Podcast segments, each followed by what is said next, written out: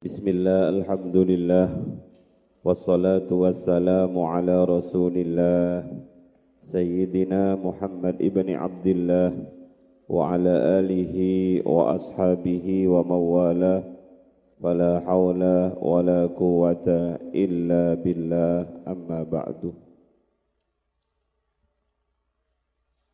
Bersyukur kita kepada Allah Subhanahu wa taala karena sampai malam hari ini kita masih didudukkan oleh Allah di rumahnya untuk bersama-sama memuji baginda Rasulullah sallallahu alaihi wasallam mengungkapkan kecintaan kerinduan kita kepada baginda Rasul mudah-mudahan cinta kita yang tidak seberapa ini didengar dan dibalas oleh Rasulullah sallallahu alaihi wasallam. Kemarin kita membahas tentang Man kana yu'minu billahi wal yaumil akhir falyakul khairan aw liyasmut. Man kana yu'minu billahi wal yaumil akhir falyukrim jarahu. Man kana yu'minu billahi wal yaumil akhir falyukrim dhaifahu. Sebelum kita membahas tentang fal yukrim dhaifahu, Abah ingin menceritakan sisi kemanusiaan baginda Rasulullah sallallahu alaihi wasallam. Rasulullah itu seorang pribadi yang sangat ceria, sangat menyenangkan dan sering membuat orang tersenyum bahkan tertawa. Ada beberapa kejadian. Salah satunya adalah ada seorang wanita yang datang kepada baginda Rasulullah sallallahu alaihi wasallam. Seorang wanita itu matur kepada baginda Rasul, "Wahai Rasulullah, mohon aku dibantu untuk naik unta." Ya Rasulullah mohon aku dibantu untuk naik unta. Maka baginda Rasul kemudian dawuh saya akan bantu kamu menaiki anak unta. Padahal perempuan itu minta dibantu naik unta tapi jawaban Rasulullah, iya saya bantu monggo bu akan saya bantu engkau menaiki anak unta.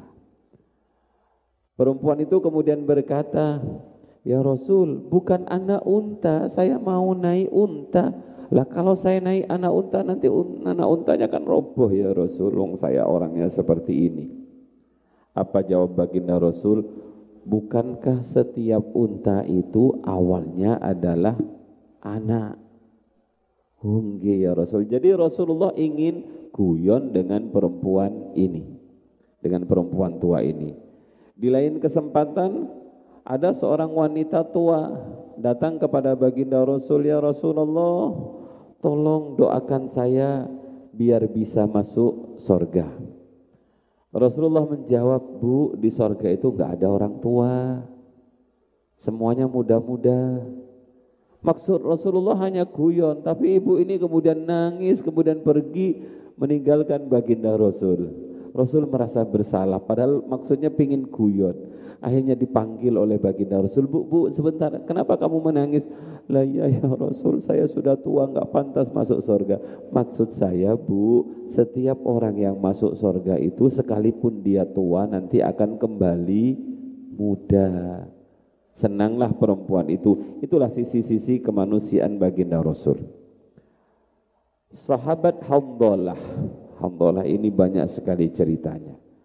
Pernah berkata di depan baginda Rasul, Ya Rasulullah, saya adalah seorang yang munafik. Ya Rasul, saya adalah seorang yang munafik.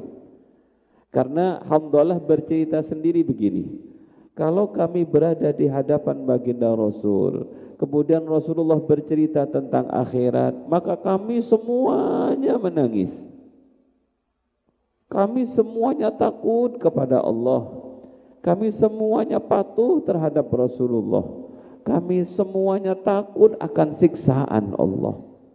Pendek kata kami semuanya serius, iman kami membuncah bertambah-tambah.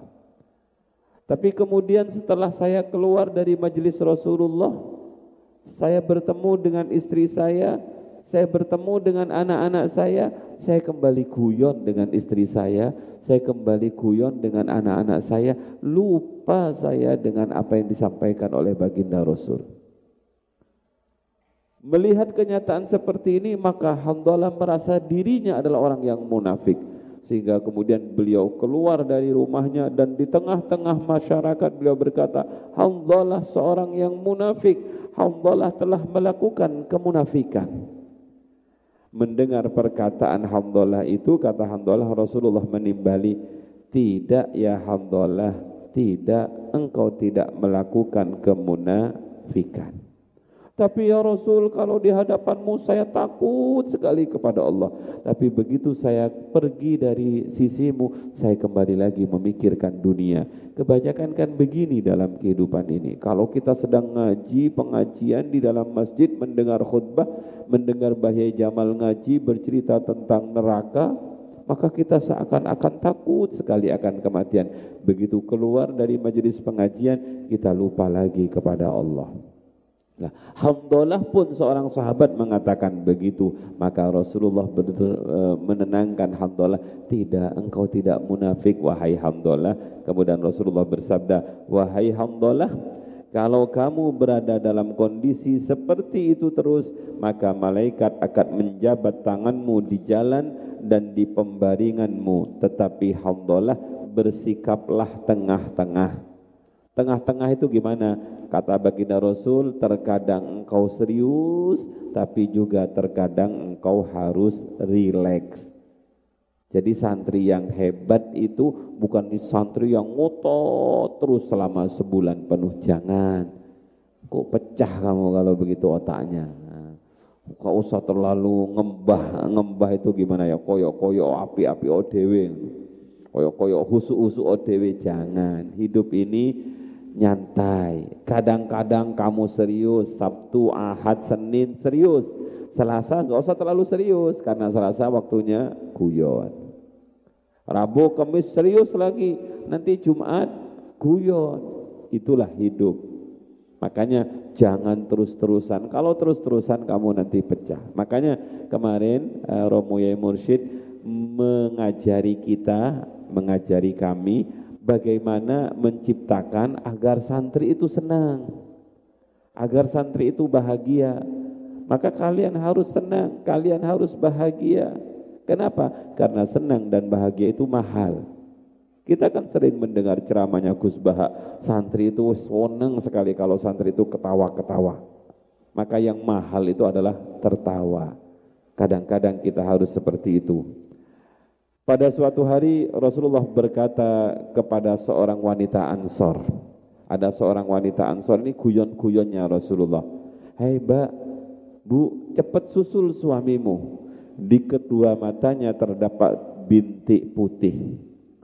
Bu cepat susul suamimu. Kenapa ya Rasul? Suamimu di kedua matanya ada bintik putih. Akhirnya perempuan ini menyusul suaminya, begitu ketemu suaminya, suaminya dipegangi, diteloi, diteloi. Lah apa sisik sampean kok ngene? Sak sik sik sik tak. Matanya diteloi. Lah apa sampean kok koyok wong dokter begini? Kenapa? Saya disuruh nyusul kamu. Kenapa? Karena kata Rasulullah di matamu ada bintik putih. Lah Rasulullah guyon niku dek. Kalau mata saya hitam semua kamu pasti takut pada saya. Ya memang di mata saya ada yang putih, ada yang hitam. Itulah baginda Rasul anak-anak. Jadi Rasulullah itu sering kadang-kadang membuat orang tersenyum. Tapi Rasulullah juga sering dikerjai. Jadi bukan ngerjai saja Rasulullah itu. Kadang-kadang Rasulullah dikerjai dan seorang yang sering mengerjai Rasulullah itu namanya Nuaim. Nuaim itu namanya Nuaiman. Nuaiman itu seorang yang sering ngerjai Rasulullah. Ada enggak namanya Nuaiman di sini? Ojo ngerjai aku sampean tak cewek sampean. Nuaiman itu suatu saat beliau membawa madu banyak. Madu itu dibawa banyak, mungkin sak keranjang itu diaturkan Rasulullah. Ya Rasul, madu ya Rasul, silahkan ya Rasul diminum, silahkan ya Rasul didahar. Ya Rasul mendapat madu dari Nuaim, Nuaiman langsung dibagi-bagi kepada sahabat. Ayo siapa yang mau minum madu, ayo minum madu, madu, madu semua. Sebab madu itu banyak sekali khasiatnya. Tapi di balik itu Nuaiman bilang kepada penjual madu itu, "Hei, nanti kamu minta uangnya ya sama Rasul." Maksudnya, ya pokoknya tagih saja Rasulullah. Begitu semua minum, sahabat menghabiskan madu itu, penjual madu itu datang kepada Rasulullah, "Ya Rasul, pundi pun. Maksudmu, langgi madu kulo sampean telasakan kali sahabat-sahabat pundi pun. Berapa? Sak menten sak menten loh itu saya dikasih Nuaiman. Enggak ya Rasul Nuaiman hanya sekedar menjualkan madu kulo. Uh, Nuaiman ini mana Nuaiman mana? Kulo ya Rasul. Apa maksudmu ngasih saya madu kemudian ini ada orang minta uang pada saya? Enggak ya Rasul, kersani jeneng tumbas madu itu. Iya kata kanjeng Nabi, dikerjain aku. Bagaimana Rasulullah ketika dikerjain seperti itu? Rasulullah tidak marah. Mungkin satu-satu gitu ya. Apa yang dilakukan oleh Rasulullah? Pinten Pak, berapa madunya? Sak minten ya Rasul, dibayar oleh Rasulullah. Tapi ada yang paling dahsyat yang dilakukan oleh Nuaiman itu. Suatu saat ada orang naik unta datang kepada baginda Rasul. Kemudian Nuaiman kumpul ambek konco-konco ini gini. Sakjane kalau kita makan daging unta wena iki. Terus, hey, ono unta sembelih. Loh, ya apa? Wes sembelih sembelih. Aku sing tanggung jawab nanti kata Nuaiman. Disembelihlah unta itu anak-anakku. Begitu sembelih unta itu, pemiliknya keluar jerit. Oh, Astagfirullah. Innalillah ya Rasulullah. Unta saya diporak ya Rasul. Unta saya mati ya Rasul. Rasulullah tergopoh-gopoh keluar. Siapa yang bikin gara-gara ini? Ayo siapa? Anu ya Rasul. Nuaiman ya Rasul lagi-lagi Nuaiman. Golek. Golek Nuaiman itu. Kemudian dicari ternyata Nuaiman itu bersembunyi. Begitu, heh keluar, keluar kata Rasulullah. Begitu keluar, apalagi yang kau lakukan pada saya. Ya Rasul, kami sepuh pingin makan daging unta terus. Nggih kula sembelih unta niku. Maksudmu nggih jenengan bayari ya Rasul. Rasulullah tidak marah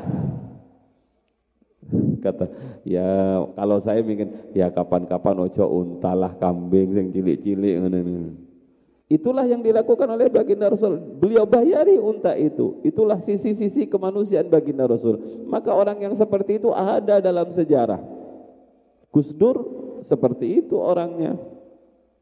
Makanya ada cerita itu seorang kiai itu disembelih peteknya itu, peteknya disembelih kemudian digoreng, dimakan, habis itu kiainya diajak, monggo yai dahar, niki wonten ayam sowai. Begitu didahar habis matur nuwun nggih yai. Loh kok matur nuwun? Iya aku sing matur nuwun. Niku tadi yang jenengan dahar niku jago nih jenengan. Loh, jagoku.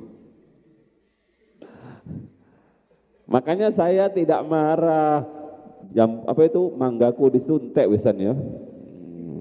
Di depan pondok itu sudah habis, tapi kalau yang di depan rumah jangan lore, kok gak, gak tuman aku. Yang di sana sudah habis, wong kadang-kadang ada saya lewat tetap aja diambil kemudian duduk di dekat seng itu, hau ham. Saya bilang nggak apa-apa, mumpung masih santri, tapi lebih bagus izin ya izin pada pemiliknya. Lah kalau izin sama abah nanti nggak dikasih, ah pasti dikasih. Jangankan mangganya kamu makan, sak pohon-pohonnya kamu makan, saya saya ikhlas itu. Makanya Bapak, itulah sisi-sisi kemanusiaan baginda Rasulullah Sallallahu Alaihi Wasallam. Maka uh, hidup ini kalau ada seninya seperti itu tidak akan stres. Dan Rasulullah mengajari seperti itu, jangan terlalu serius, ada waktu-waktu untuk guyon. Lah Rasulullah sering, bahkan Rasulullah sering guyon dengan cucu-cucunya. Kadang-kadang cucunya disuruh naik di punggungnya seperti kuda, Rasulullah jalan. Kemudian kata kanjeng Nabi, sebagus-bagusnya penunggang kuda adalah engkau wahai Hasan dan Husain. Katanya Husain, sebagus-bagusnya kuda adalah engkau wahai datukku. Ya seorang kakek harus begitu. Kalau nanti kamu jadi kakek, jangan menjadi kakek yang jaim. Oh, anaknya dicetoti terus kupingnya ditarik. Allahu Akbar kuyon langsung gak tahu abah sedang sholat. Loh, Rasulullah sering kan begitu Rasulullah sedang ruku, Hasan dan Husain langsung lompat ke atasnya menjadi kuda-kuda. Itulah anak. Jadi itulah sisi indahnya kehidupan baginda Rasul. Kadang-kadang Rasulullah juga ngajak istrinya, adik ayo balapan yuk. Pernah Rasulullah ngajak balapan Sayyidatina Aisyah.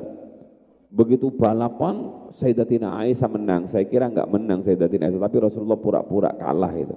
Di depan Sayyidatina Aisyah. Beberapa tahun kemudian Sayyidatina Aisyah diajak lagi, ayo dek balapan lagi.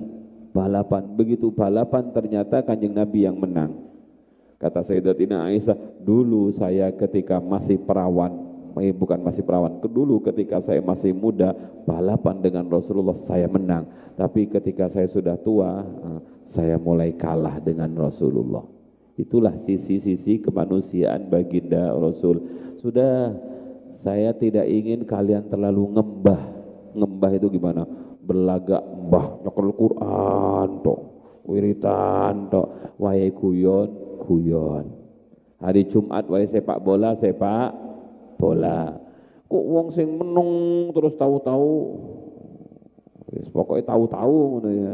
Wis wae voli, voli, wae sepak bola, sepak bola, wae guyon, guyon, tapi jangan terlalu ada wak ada waktunya. Jumat gak usah ngaji kalau Jumat. Sepak bola aja. Nyuci sepak bola. Engkau malam Jumatnya mulai ngaji lagi. Jadi pondok itu sudah di style sedemikian rupa oleh kiai. Sejak zaman dahulu kalau Jumat itu libur, ya nggak ada ngaji. Mulai malam Jumat itu sudah libur. Kenapa? Karena kiainya akan ada tugas dengan bunyai malam Jumat. Oh, kuyon kuyon. Hmm. Yai, pokoknya sak malam Jumat malam Jumat kalau pengen ngaji setoran Quran pada kiai Oh, cok dolim kamu itu malam-malamnya punyai. Hmm. Sudah, sudah, sudah ya. ya. Itulah Rasulullah. Jadi ada waktu. Jadi begitu nanti kalian harus membuat hidup itu diciptakan. Jangan terlalu serius. Makanya ada dawuh, yuk kita santai agar otot tidak tegang. Yuk kita santai. Apa nggak tahu saya terusannya itu.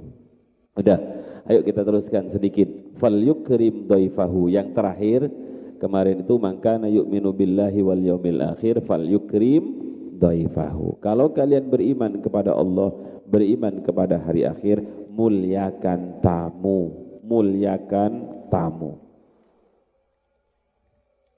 Suatu saat memang Rasulullah itu adalah pribadi yang sangat amat memuliakan tamu amat menyenangkan tamu. Ada seorang perempuan datang kepada baginda Rasul, ya Rasulullah, ini kain kulo sulam kiamba. Ini kain kulo tenun kiamba. Tolong ya Rasul, kain ini saya jadikan hadiah untuk panjenengan. Bagaimana Rasulullah menerima tamu seorang perempuan tua yang dengan susah payah dia menenun kain untuk baginda Rasul? Rasulullah tersenyum diterima kain itu dan Rasulullah mengatakan terima kasih wahai mbah. Langsung Rasulullah masuk ke dalam rumahnya langsung dipakai oleh baginda Rasul. Siapa yang tidak senang kalau hadiah pemberiannya dipakai? Begitu Rasulullah memakai pakaian itu dibawa ke masjid oleh baginda Rasul dibuat solat oleh baginda Rasul. Ada seorang sahabat berkata ya Rasul jubah jenengan wapi ya Rasul. Maksudmu? Kulo naksir ya Rasul. Rasulullah itu tidak pernah menolak permintaan. Itulah Rasulullah. Siapa pun yang meminta kepada baginda Rasul pasti diberi oleh baginda Rasul. Lah kamu senang tak dengan jubah saya? Enggih ya Rasul. Ya wis tunggu. Pulang Rasulullah dicopot, dilempit, diberikan kepada sahabat itu. Sahabat-sahabat yang lain marah. Kamu itu terlalu.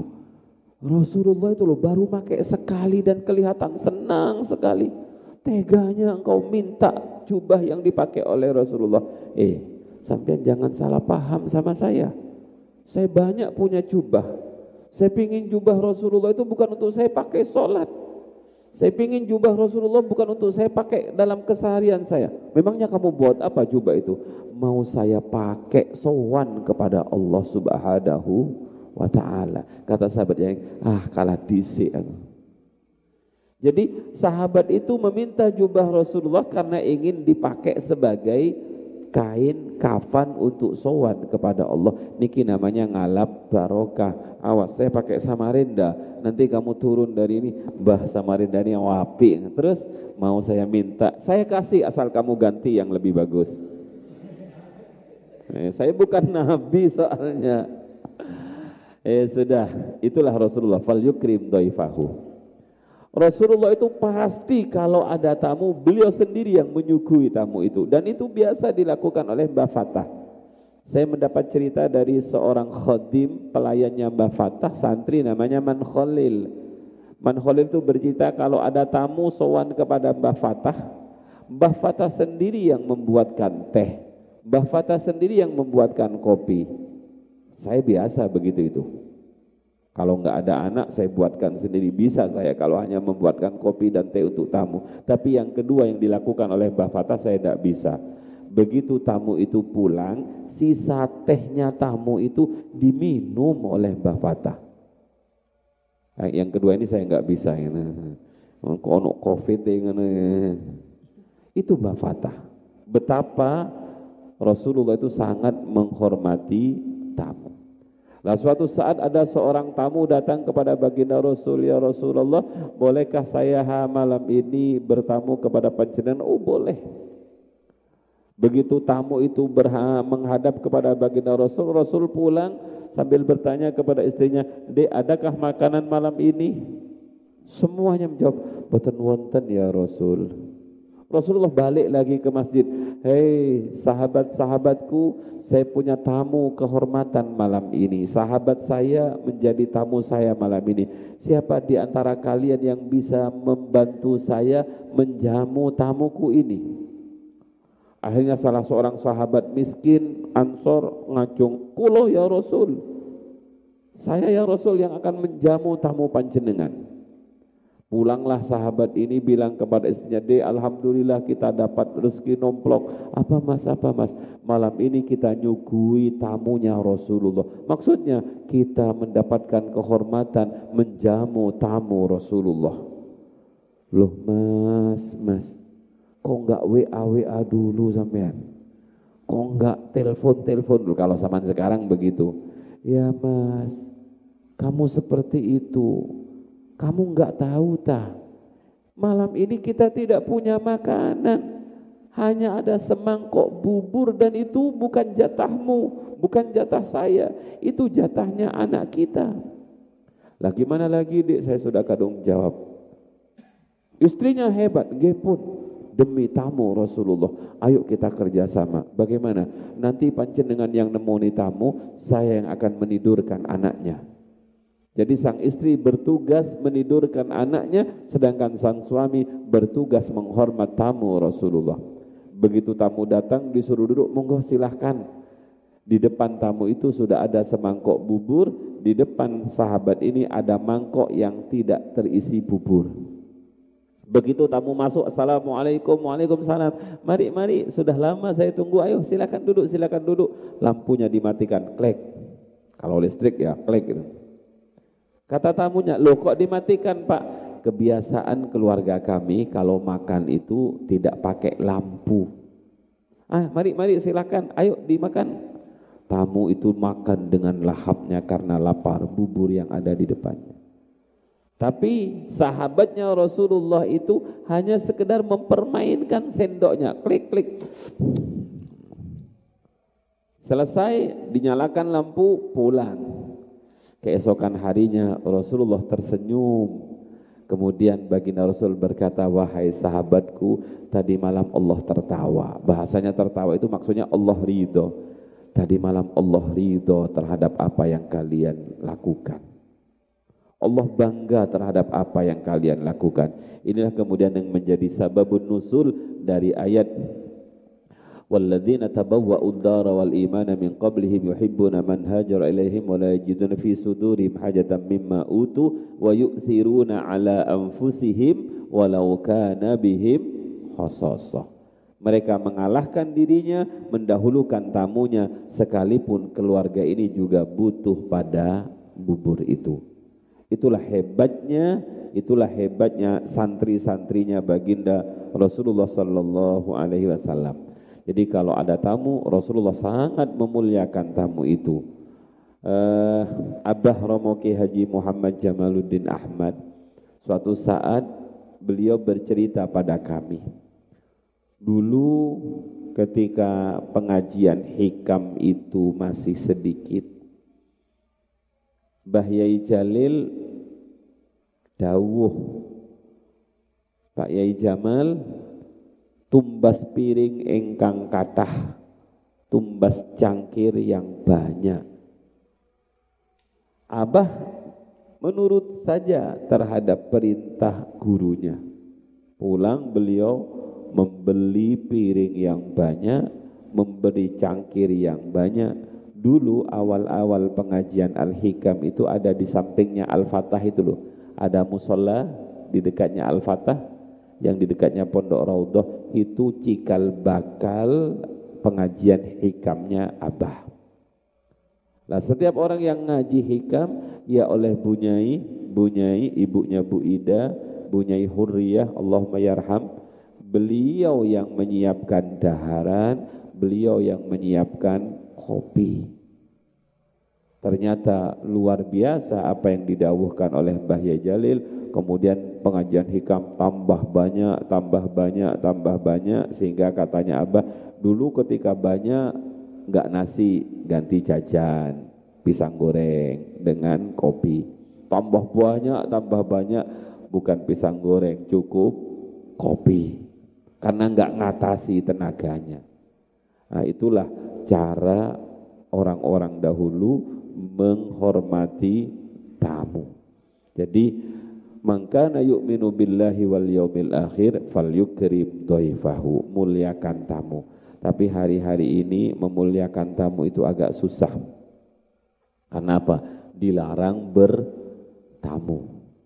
Jadi kapan mungkin nanti kalau sudah kondisi agak normal kita juga sudah mulai bisa menerima tamu tentu modelnya model ala protokoler kesehatan. Lah kalau Rasulullah itu ngajari sahabat-sahabat kalau bertemu dengan tamu itu biasanya Rasulullah menjabat tangan tamu itu. Dan Rasulullah tersenyum dengan tamu itu dan Rasulullah oh, tidak melepaskan jabatan itu kecuali orang itu melepaskan terlebih dahulu. Tanda sangat bersahabatnya baginda Rasul. Lah kalau tamu itu, kalau tamu itu keluar dari rumahnya, maka yang dilakukan oleh baginda Rasul, Rasulullah juga ikut keluar menghantarkan tamu itu. Karena apa? Karena dalam sebuah pernyataan baginda Nabi dawuh walaupun hadis ini ada yang mengatakan hadis dhaif, ada yang mengatakan hadis hasan, tapi sebagai uh, fadhailul a'mal bisa digunakan. Apa itu? Setiap tamu yang datang dia membawa rezeki. Kemudian ketika tamu itu keluar dari rumah kita, tamu itu membawa dosanya orang yang ditamuni. Makanya dalam kisah-kisah itu banyak sekali kemuliaan-kemuliaan yang didapat dari orang-orang yang menghormati tamu. Tapi paling tidak kalau kita kedatangan tamu, ayo muliakan dengan niat ingin mengikuti perintah baginda Rasulullah sebab ukuran seseorang, iman seseorang kepada Allah dan kepada hari akhir salah satunya diukur seberapa jauh dia bisa menghormati tamu. Saya kira cukup fal yukrim.